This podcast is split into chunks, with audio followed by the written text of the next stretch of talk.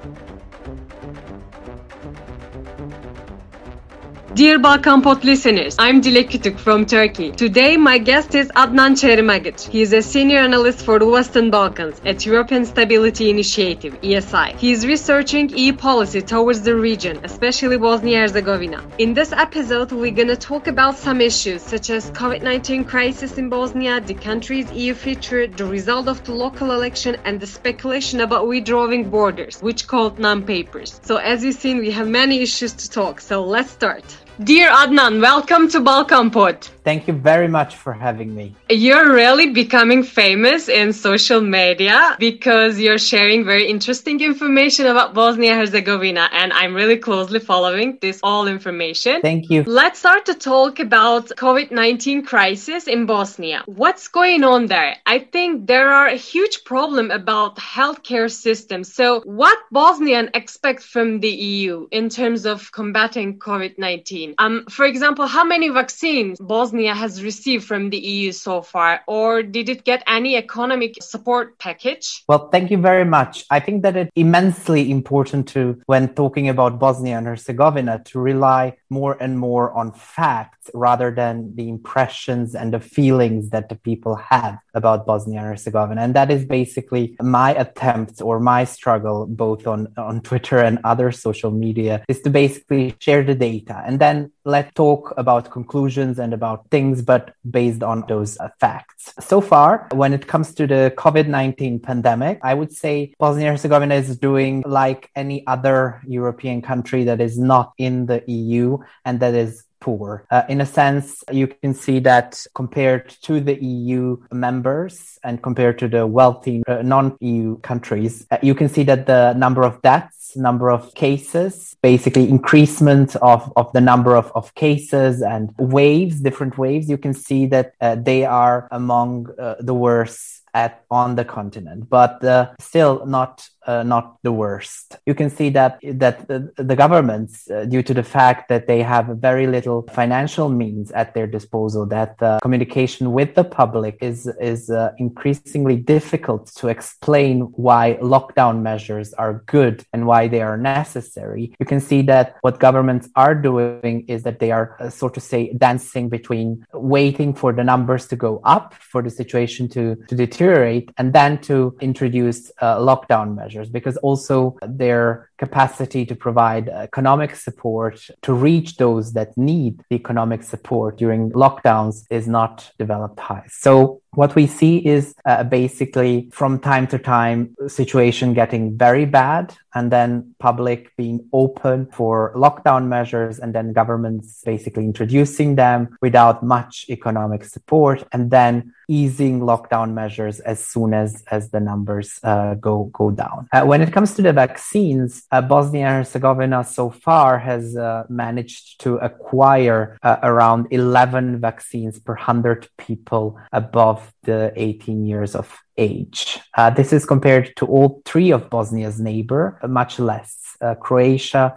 an EU member state, has around 27 vaccines. Uh, Montenegro has uh, somewhat uh, more than 50 vaccines, and Serbia has uh, around 90 vaccines. So, uh, in that sense, the authorities managed to acquire fewer than, than all its neighbors. But, and the reason for, for that is that for far too long, they've relied on the COVAX mechanism, on the EU's to share its vaccines, but they've managed to gather, I would say, both regional and international support to get something through COVAX and to buy something on their own. So they've ended up uh, in April with more vaccines per 100,000 people than, for example, uh, the Ukraine had. They had uh, four times more. We had more four times more vaccines in Bosnia Herzegovina than in the Ukraine. So it's a it's a rather mixed picture of a of a struggle of a poor uh, country outside of the EU with a very weak uh, public policy uh, development uh, skills and, and mechanisms.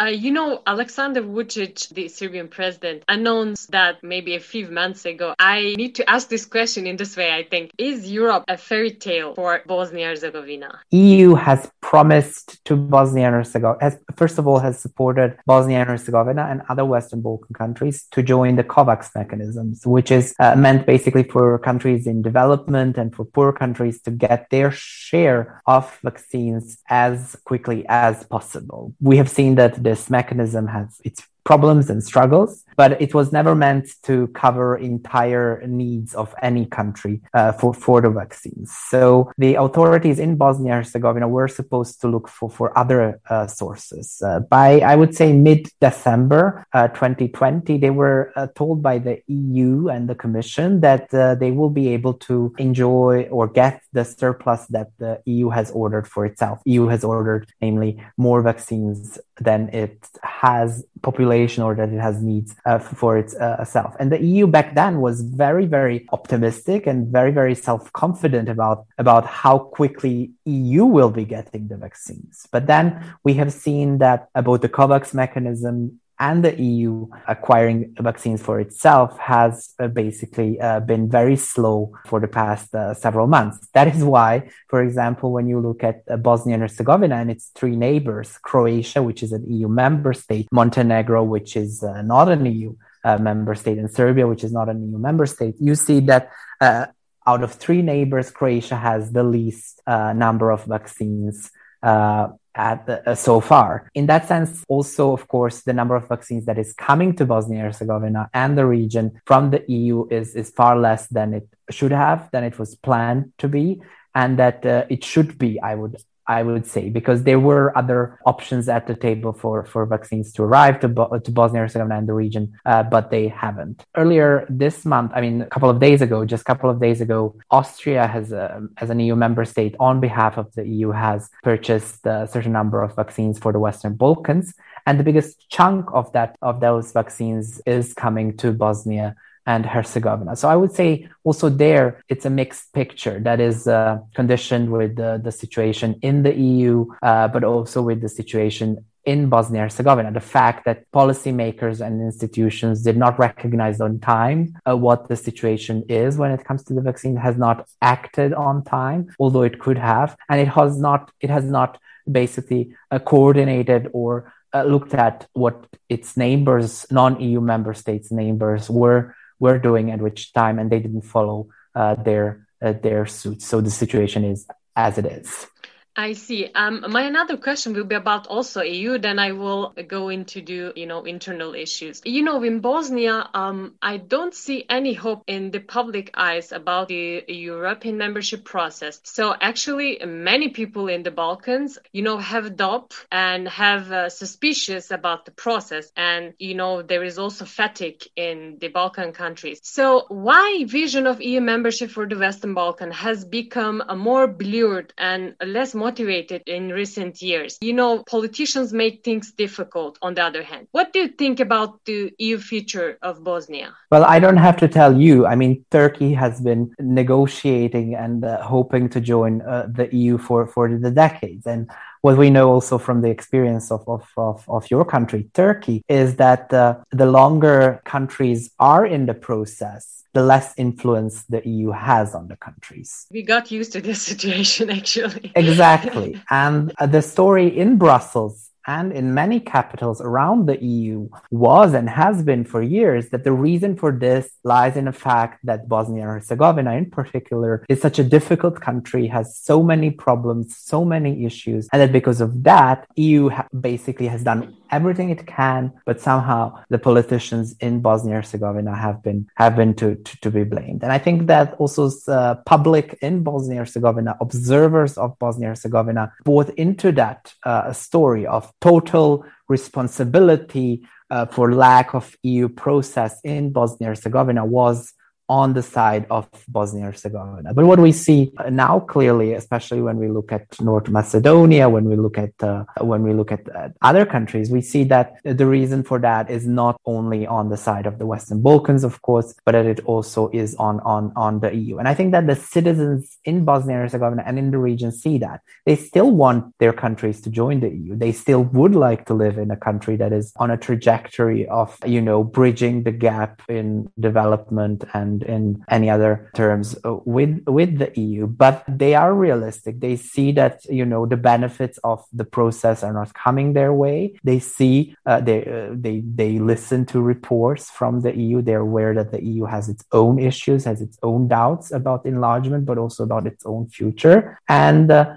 uh, for that reason, uh, their expectations are also quite low, I would say, when it comes to the full uh, membership uh, in the EU. I think that for that reason, if the EU wants to have any impact in the region and any impact on the political and economic situation, which is, by the way, in the interest of the EU to have, it will have to rethink its policy and it will have to uh, rethink its approach to, towards the Western Balkans. So uh, let's talk about the you know internal issues. So I read your comments on Twitter about local election held in November in Bosnia Herzegovina. You know, SDA, a party of democratic action, uh, lost most of the mayoral position in Sarajevo canton municipalities. Uh, moreover, uh, SNSD, Alliance of the Independent Social Democrats, also lost the mayoral position in Banja Luka. Um, how do you evaluate the victory of opposition mayoral candidates? Do you think that this change can be understood as the beginning of a new political paradigm in mm-hmm. Bosnia? When it comes to the Sarajevo, for example, in fact, traditionally, SDA has not been in power uh, at the mayoral uh, position in uh, municipalities that, that form Sarajevo and that uh, the mayor of, of